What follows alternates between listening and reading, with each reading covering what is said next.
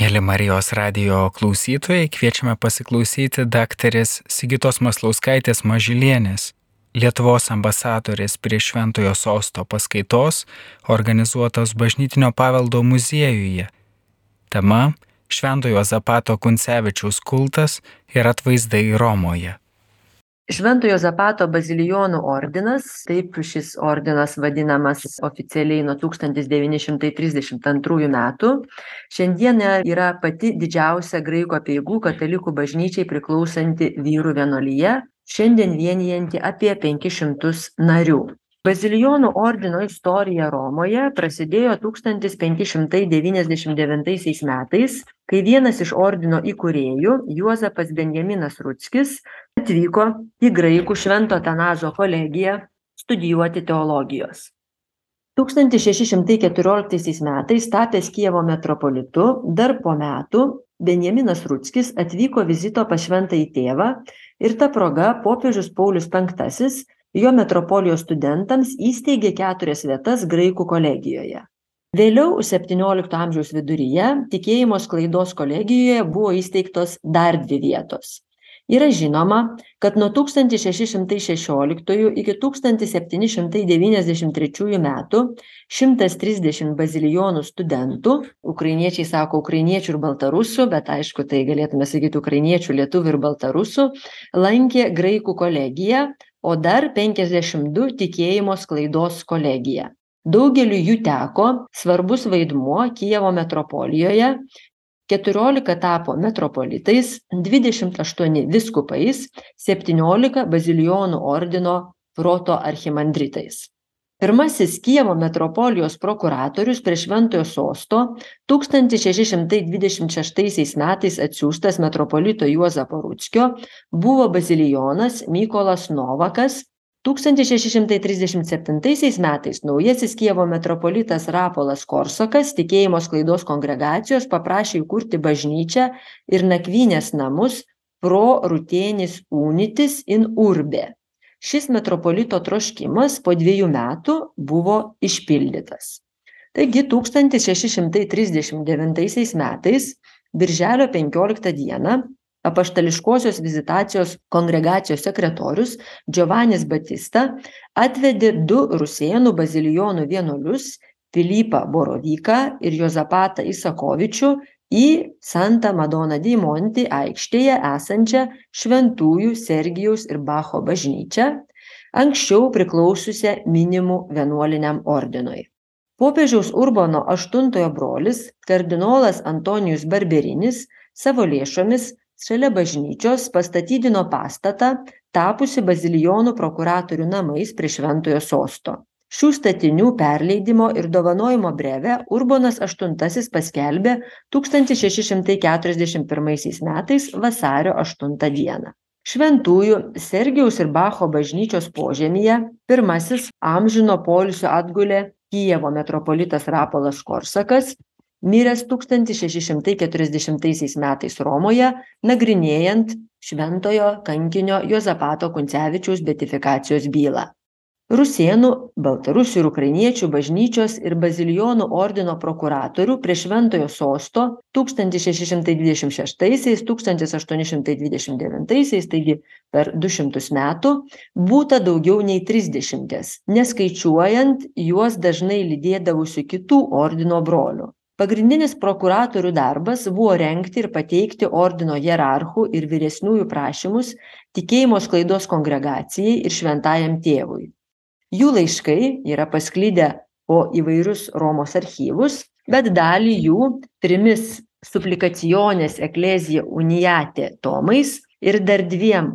audiencija sanctissimi tomais išleido bazilijonas atanazas velyki šventųjų sergijaus ir bacho bažnyčia išgarsėjo tūkstantis septyni šimtai aštuonioliktaisiais metais kai vykdant restauravimo darbus po gretimos patalpos tinku buvo atrastas dievo motinos atvaizdas stebuklingojo dievo motinos paveikslo žirovičių vienuolyne kopija kadangi pagarbinti atvaizdo plūdo minios tikinčiųjų 1719 metais rugsėjo 7 dieną popiežius Klemensas XI įsakė jį nuimti nuo sienos ir perkelti į bažnyčią. Nuo tol atvaizdo garbinimas kasmet populiarėjo. 1801 metais jį iškilmingai aplankė ir pagarbino popiežius Pijus VII.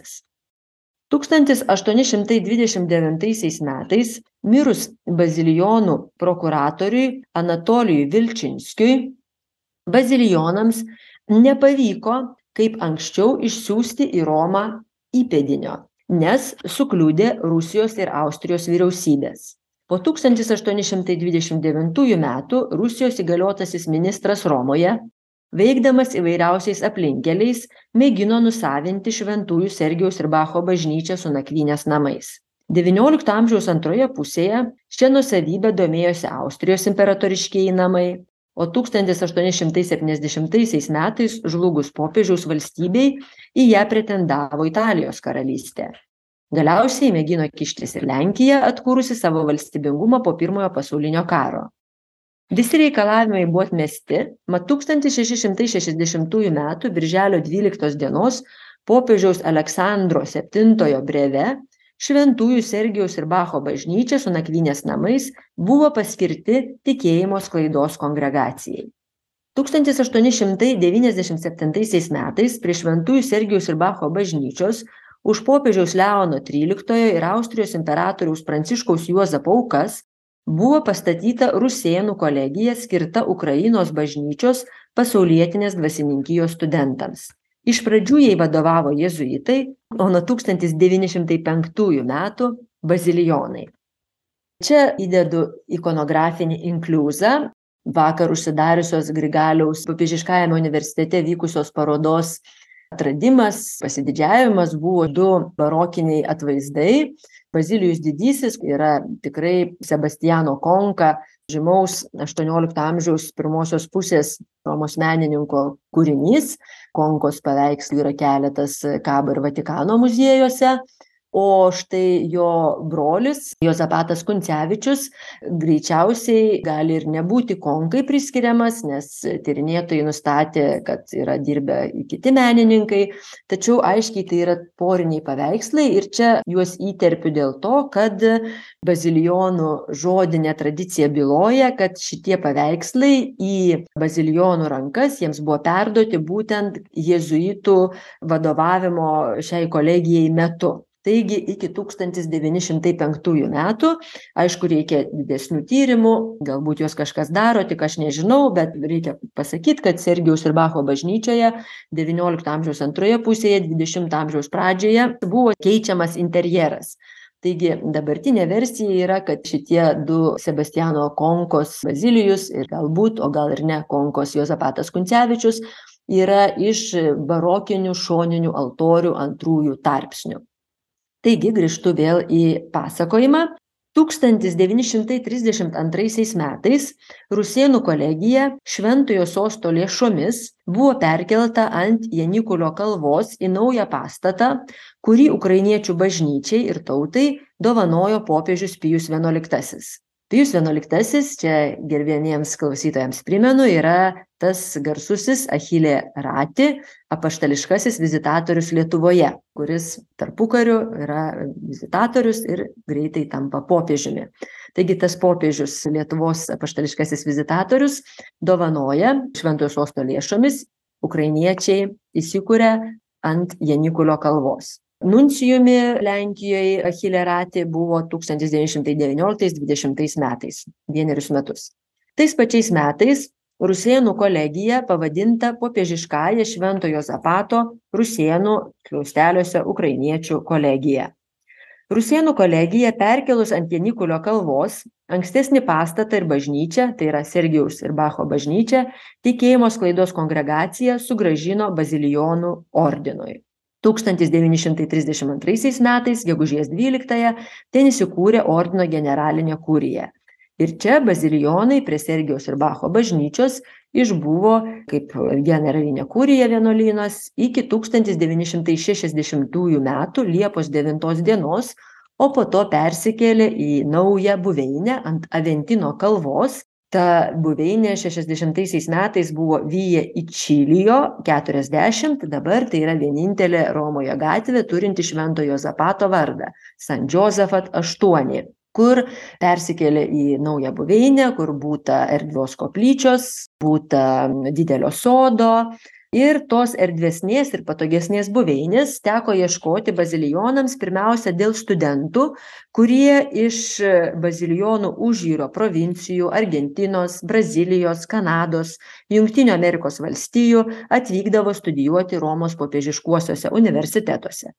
Taip sutapo kad trapistų vienuoliai nusprendė parduoti savo vienuolyną ant aventino kalvos ir bazilijonų ordinas pasinaudojo proga jį įsigyti o ankstesnį pastatą su šventųjų sergijaus ir bacho bažnyčia perleido popiežiškajai lotynų amerikos kolegijai tai štai tas trapistų vienuolynas tiesiog noriu pasakyt kad pastebi ir architektūros tyrinėtojai bet žinoma ir patys bazilijonai mato trapistinė architektūra labai tinka bazilijonų bizantinio rito liturgijai.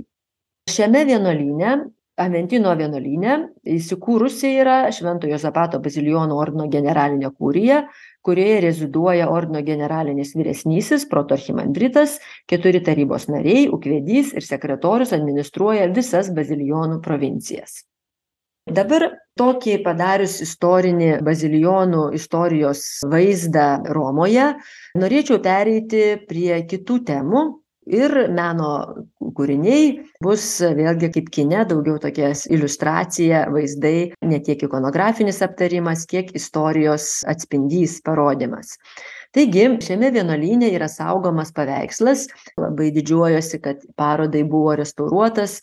Dėkinga restauratorei rūtai kasiulytei kuri specialiai atvykusi dirbo romoje restauravo šį kūrinį. Tai štai šis paveikslas yra vėlgi toks kaip jau minėjau irgi parodos atradimas.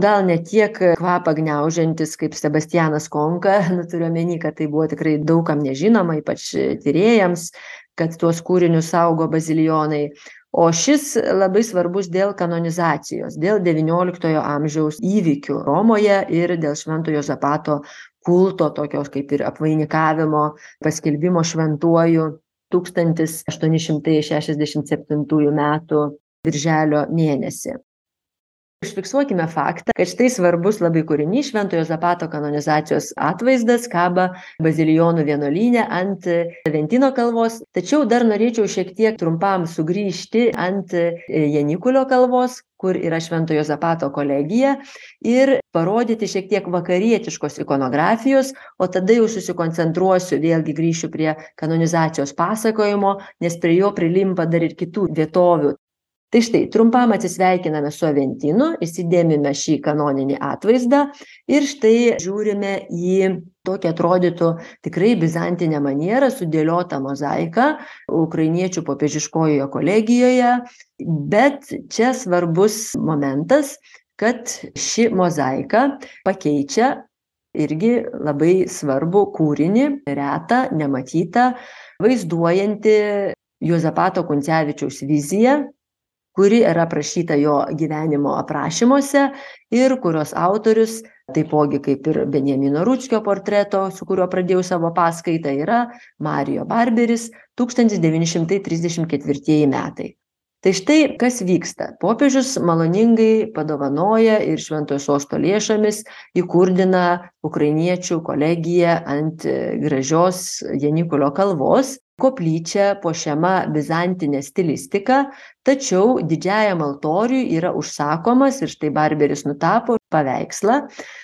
tūkstantis devyni šimtai trisdešim ketvirtieji metai yra tie metai kuomet ir eugenijus kazimierovskis vilniuje tapo gailestingojo jėzaus atvaizdą šventosios faustinos kovalskos ir mykolo sopočkos raginimu užsakymu matom kad tokios kaip ir idėjos sklaido ir ikonografija yra grynai vakarietiška to meto atitinkanti stilistiką standartus 1960 metais, apskritai 20-ojo amžiaus viduryje ir einant 20-ojo amžiaus antrąją pusę, matyti, kad bazilijonai pradeda savo identiteto, savo tapatybės ieškoti arba jį pristatyti vis labiau naudodami bizantišką technologiją, bizantišką stilistiką ir ikonografiją tai štai paveikslas yra iš altoriaus kaip pernelyg vakarietiškas ir katalikiškas iškeliamas nuimamas milžiniškas paveikslas beveik keturių metrų ilgio ir pakabinamas vienuolyno koridoriuje. O čia sukuria šitą atvaizdą šešiasdešim pirmaisiais metais iš monte kasino benediktinų vienuolyno garsaus vienuolyno pakviestas menininkas vienuolis benediktinas toliau galime pamatyti dar vieną tokią kaip ir srovę.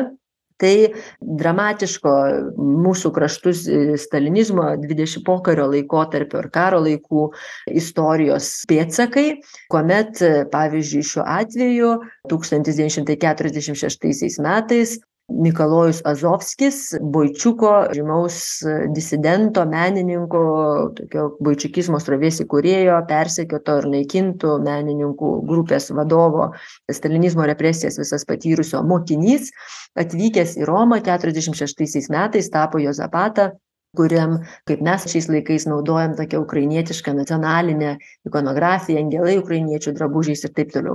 Tai žodžiu bazilijonų vienuolynuos ir čia romoje ir kolegijoje dvidešimto amžiaus vidurys ir antroji pusė pasižymi labiau tokiais akademiniais darbais arba grynai tokia štai ieškančia bizantiškos savo tapatybės stilistika dabar vėl mano pasakojimas grįžta į devynioliktą amžių į kanonizacijos istoriją kuri yra labai svarbi norint suprasti matyti tą visą tokią dramą ir ir caristinės okupacijos pervartų sąvartų laikotarpis mūsų kraštus labai labai stipriai palietęs.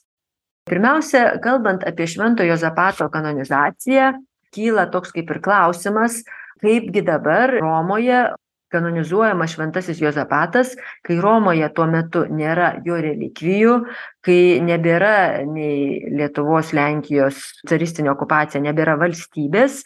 Ir kaip kaip dabar čia suprasti tą tokį staiga praėjus jau tikrai nemažai keliems šimtiems metų nuo šventojo beatifikacijos na tą tokį proveržį ir ir troškimą iš kur jisai ateina.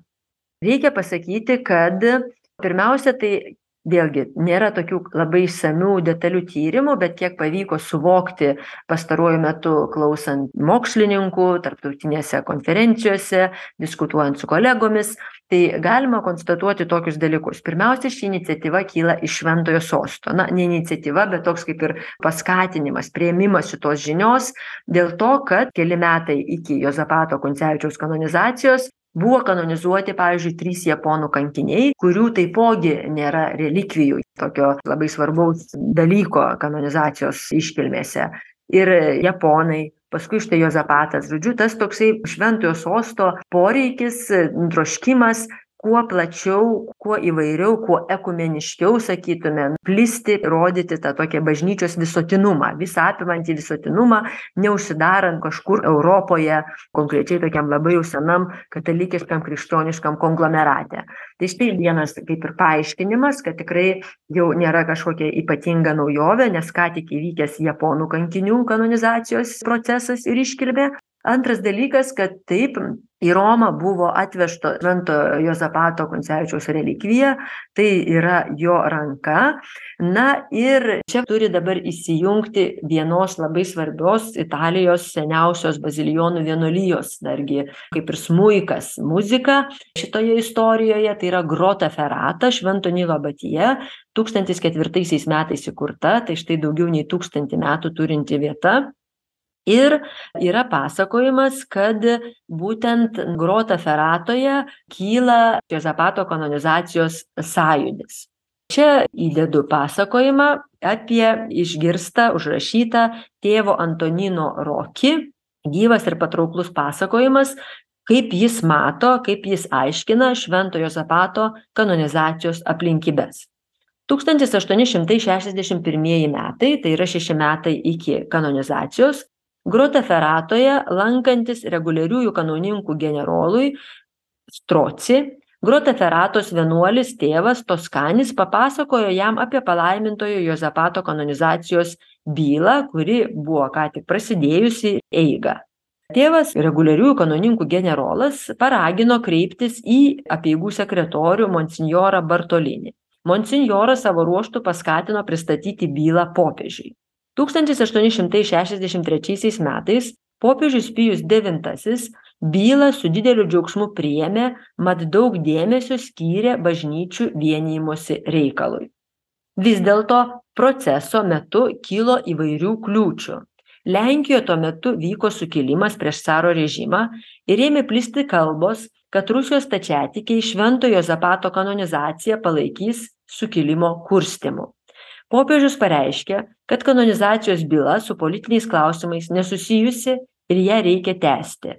Nors pritarė apdairiai nuostatai Juozapatą vadinti ne Lenku, o Rusėnu, kuo iš tiesų jis ir buvo.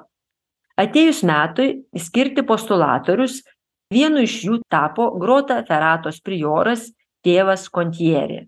Jam teko rūpintis vario raižiniais, abrosdėlių gamybai ir šie turėjo būti dviejų tipų.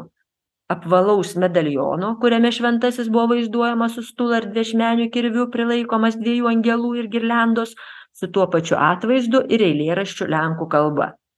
Dar viena kliūtimi tapo gandas, kad šventasis Juozapatas nevengė baisių kraštutinumų, versdamas tačiatikius grįžti į paklusnumą Romai.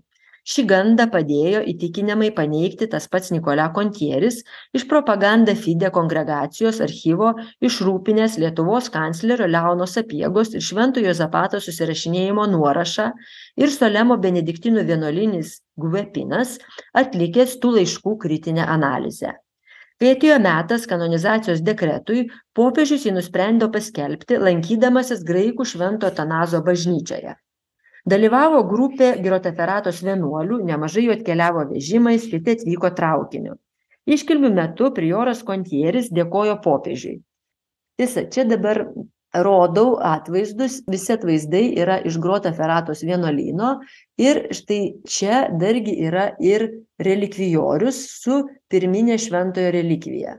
Tačiau bazilijonai sako, jog tai negali būti toji ranka, kuri buvo atvežta į kanonizacijos iškilmes. Žinoma, kad toji ranka yra dingusi, taigi Grota Feratos vienuoliai turi dar vieną, bet tikrai to laiko, kanonizacijos laikotarpio pirminę relikviją.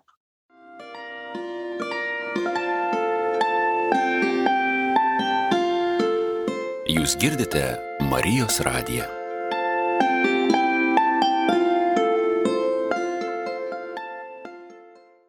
Tai štai, kalbant apie Nikolę Kontierį, kurio gyvenimas, Šventojo Zapato gyvenimas ir buvo tas kaip ir dokumentas XIX amžiaus kanonizacijos iškilmių ir atvaizdas sukurtas pagal raižinį puošusi vytą, gyvenimą ir grinai yra Grota Feratos toks kaip ir kanoninis Šventojo Zapato atvaizdas. Žinomas istorikas ir giesmių autorius tėvas Giuseppe Konsalucis iš Grota Feratos popiežiaus pamokslą apibendrino žodžiais saugokitės farizijų raugo, turėdamas mintyje prieš šventąjį nukreiptą polimą ir šmeištą.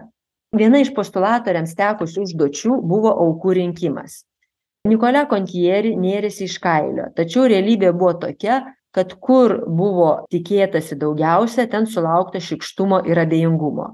Vis dėlto viskas galiausiai baigėsi labai gerai pasakojama taipogi per kanonizacijos iškilmę ir apie šventojo garbei sukurtus paveikslus. Pabrėžiama kad dailininkų buvo pakviesta labai daug paveikslų buvo nutapyta netgi septyniasdešimt trys greičiausiai jie buvo skirti po to dovanoti po kanonizacijos iškilmių.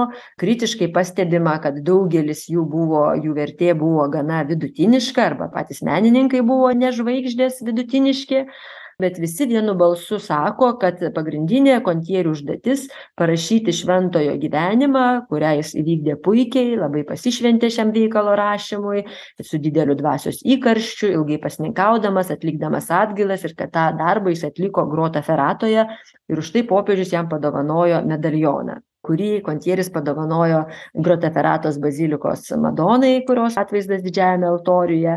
O lankydamasis grotoferatoje tūkstantis aštuoni šimtai šešiasdešim aštuntaisiais metais metai po kanonizacijos pijus devintasis žvelgdamas į juozapato statulą pasakė kad gyvenimas yra parašytas su išmanymu o taip pat ir su pamaldumu.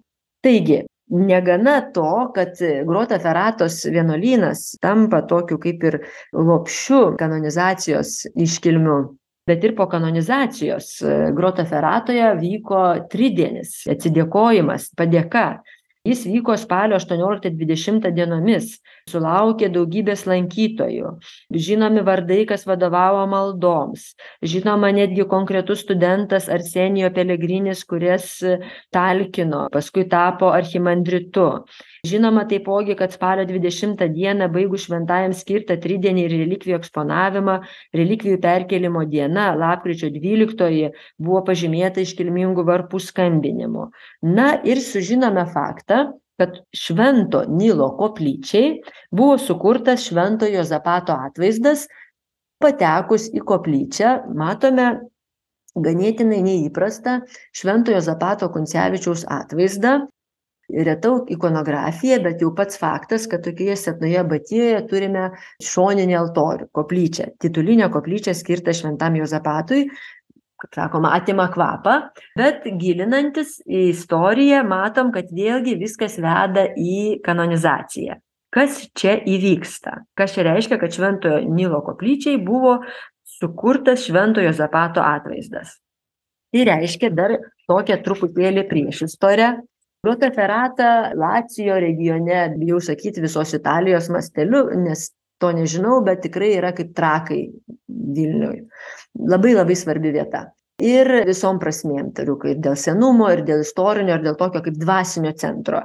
Taigi grotaferata vis globoja kardinolai priskiriami kardinolai taip itališkai vadinasi komendatario komendatario net nežinau kaip versti į lietuvių kalbą tokie globėjai komendatario. Ir štai tūkstantis septyni šimtai trisdešim aštuntaisiais metais grotaferatos komendatario tuo globėju tampa kardinolas džiovani antonijo gvadani kuris yra karmelitas kardinolas karmelitas. Ir jis daro remontą tik tapęs kardinolu tūkstantis septyni šimtai trisdešim aštuntaisiais metais grotaferatos bazilikoje.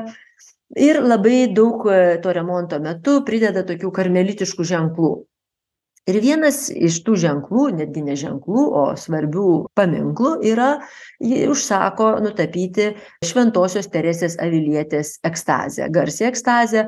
Kuomet šventoji teresė avilietė perveriama tokia meilės strėle angelas įsmeigia į krūtinę. Na va bet ta lakoniška užuomina kanonizacijos proceso metu kad švento nilo koplyčiai sukurtas švento juozapato atvaizdas reiškia kad šventosios teresės avilietės paveikslas yra labai nedaug pakeičiamas tiesiog nutapomas yra juozapato kuncevičiaus portretas vietoj šventosios veido ir karmelitės kūnas yra apgaubiamas štai tuo tokiu bazilijono vyskupo apsiaustu kapa taip labai sakytume paprastai suaktualinama parodoma kas tuo metu yra svarbu ir reikšminga šiai vietai šiai grotaferatos bendruomenei na ir palmės šaka greičiausiai irgi yra nutapoma nors galėjo būti ir teresės avilietės nes ji yra vadinama nekruvinąja kankine pirmoji šventoji bažnyčios istorijoje gaunanti šį nekruvinosios kankinės titulą tačiau galbūt tiesiog tiktai tokia va čia labai ikonografinė įdomybė. Tai štai nikolia kontieri garsusis juozapato gyvenimas. Ir žinoma taipogi kad po šitų iškilmių buvo išsiųstos procesijų vėliavos į lvivą viena į lotyniškąją kita į graikiškąją katedrą. Dvi kanonizacijos vėliavas tada nikolia kontjeris dar pataisė kanonizacijos bulę kurioje pasitaikė istorinių nesklandumų o švento juozapato garbinimo sklaidai ypatingai pasitarnavo šis gyvenimas atvaizdai ir relikvijos. Na ir netgi yra liudijimas kad tuo metu kašios miestelyje kašė tai yra labai garsi šventosios ritos vieta gerbimo rita labai mylima šventoji gelbėtoja iš beviltiškų padėčių bet tuo tarpu žinoma kad kašios miestelyje įvyko stebuklas vienam vyrui skaičiusiam švento juozapato gyvenimą šalia šventosios relikvijos iš akies iškrito krislas iki tol kenkęs jo regai ir kėlęs daug skausmo. Iš kanonizacijos aprašymų galime suprasti, kad dvi vietos švento Jozapato paskelbimas šventuoju yra ne vien tik tai jo, jis yra paskelbiamas, kartu paskelbiami kiti 24, žodžiu, iš viso 25 šventieji kanonizuojami. Bet švento Jozapato atvaizdai, ta gausybė atvaizdų, kaip minėjau, nutapytų, jie pasklinda į kelias vietas na daugiausia ir atrodytų kad tas štai pagrindinis kuris dabar yra bazilijonų kurijoje ant aventino kalvos jis pateko ne į grota ferata o štai vėlgi į šventojo atanazo graikų bažnyčią nuo kurios ir pradėjome pasakojimą. Galime spėti ar buvo tam paveikslui sukurta atskira struktūra ar jis buvo kažkur padėtas pakabintas. Tai štai dar yra šita vieta kurioje buvo kūriniai sukabinti sudėti sunešti pasibaigus kanonizacijos iškilmėms švento petro bazilikoje parodos metu dėliojantis pasakojimui galima suprasti kad iš tikrųjų ukrainiečių bazilijonų prezencija romoje yra labai ryški. Tikrai devyniolikto amžiaus antroji pusė dvidešimtasis amžius yra jų labai svari prezencija ir ką minėjau ir tie statiniai šventojo sosto pastangos meilė ir globa rodoma tikrai ne žodžiais bet darbais dovanomis ir labai tokiais svarbiais dalykais. Na o pačių atvaizdų pačios ikonografijos klajonės ir atribucija išsiaiškinimas tikrai reikalauja atskiro dar tokio kaip ir tyrimo. Kas taip jau lyg aiškiausiai pasimatė pabandžiau jums šitame pasakojime parodyti apie tą kaip jau minėjau katalikišką ikonografiją kuri dvidešimto amžiaus viduryje ir antroje pusėje išstumiama bizantiškosios apie tai kad juozapato kuncevičiaus kanoninis atvaizdas kiek diskutavau su su keliais žinovais vat ir čia su kolegėmis bažnytinio paveldo muziejaus menotyrininkėmis vis dėlto kažkaip norisi matyti ir tikėti kad tai yra tas geriausias gražiausias paveikslas kuris buvo pakabintas atanazo bazilikoje kaip pagrindinis kanonizacijos atvaizdas ir turėjo būt deramai saugomas ir vis dėlto galėjo tikrai pasiekti mūsų dienas nors ikonografija aprašyta gana lakoniškai tiesiog kad triumfuojantis su kankinystės atributu bet neparašyta kad ten ar smulkiau ar angelai ar ar kirvis kur jis yra ir taip toliau. Na ir konkos paveikslai kurie iš sergijaus ir bacho tokios svarbios bazilijonų istorijai romoje bažnyčios švento juozapato mitra labai svarbi relikvija tikrai tai yra antrinė relikvija kuri puošia švento juozapato galvą nuo tūkstantis devyni šimtai trisdešim jo relikvijas nuo tūkstantis devyni šimtai trisdešim pirmųjų iki tūkstantis devyni šimtai aštuoniasdešim antrųjų metų. Ir apskritai relikvijų istorija čia gal reikėtų kito pranešėjo bet tiek nesu daug įsigilinusi bet tikrai suprantu kad panašiai kaip ir kaip ir mūsų tautos bet kaip ir ukrainiečių tautos bet ypatingai juozapato relikvijos yra va toks irgi kaip parodymas kaip yra baisu kaip yra bėgama kaip yra slapstomasi kaip yra stengiamasi neišnykti nebūti sunaikintam nuo imperialistinio režimo rankos. Tai juozapato kuncevičiaus relikvijų kelionės yra neblogai atspindėtos čia šių metų filme skirtame juozapatui bet iš tikrųjų ką jau taip juokais galima pasakyti tai tikrai tai yra pirmasis šventasis kurio relikvijas atskraidino į romą amerikos ginkluotosios pajėgos. tūkstantis devyni šimtai keturiasdešim devintaisiais metais į karinį lėktuvą įdedama urna relikvijų ir iš vienos atskraidinama į romą ir paslepiamos vatikane vatikane sakoma kad seselių vienuolyne pačiame intramuros pačiame vatikane kur jos jau taip saugojo daug relikvijų joms nesureikšminant per daug nepasakant kieno gi čia tos relikvijos vis tiek bijant dar bolševikų. O jau per vatikano antrąjį susirinkimą taigi tūkstantis devyni šimtai šešiasdešim antraisiais metais yra netgi ir nuotrauka kurioje matome jog juozapato kuncevičiaus relikvijos kūnas netgi yra pastatytas susirinkimo vat kaip sėdi centrinėj centrinėje Švento Petro navoje, Švento Petro bazilikos navoje susirinkimo tėvai ir centre yra Šventojo Zapato Kuncevičiaus relikvijos, kurios tuo pačiu metu buvo perkeltos į Švento Petro bazilikos, bazilijos didžiojo altorių, kuriame ir šiandien yra matomos, lankomos, gerbiamos kiekvieną pirmą mėnesio šeštadienį vyksta dieviškoji liturgija.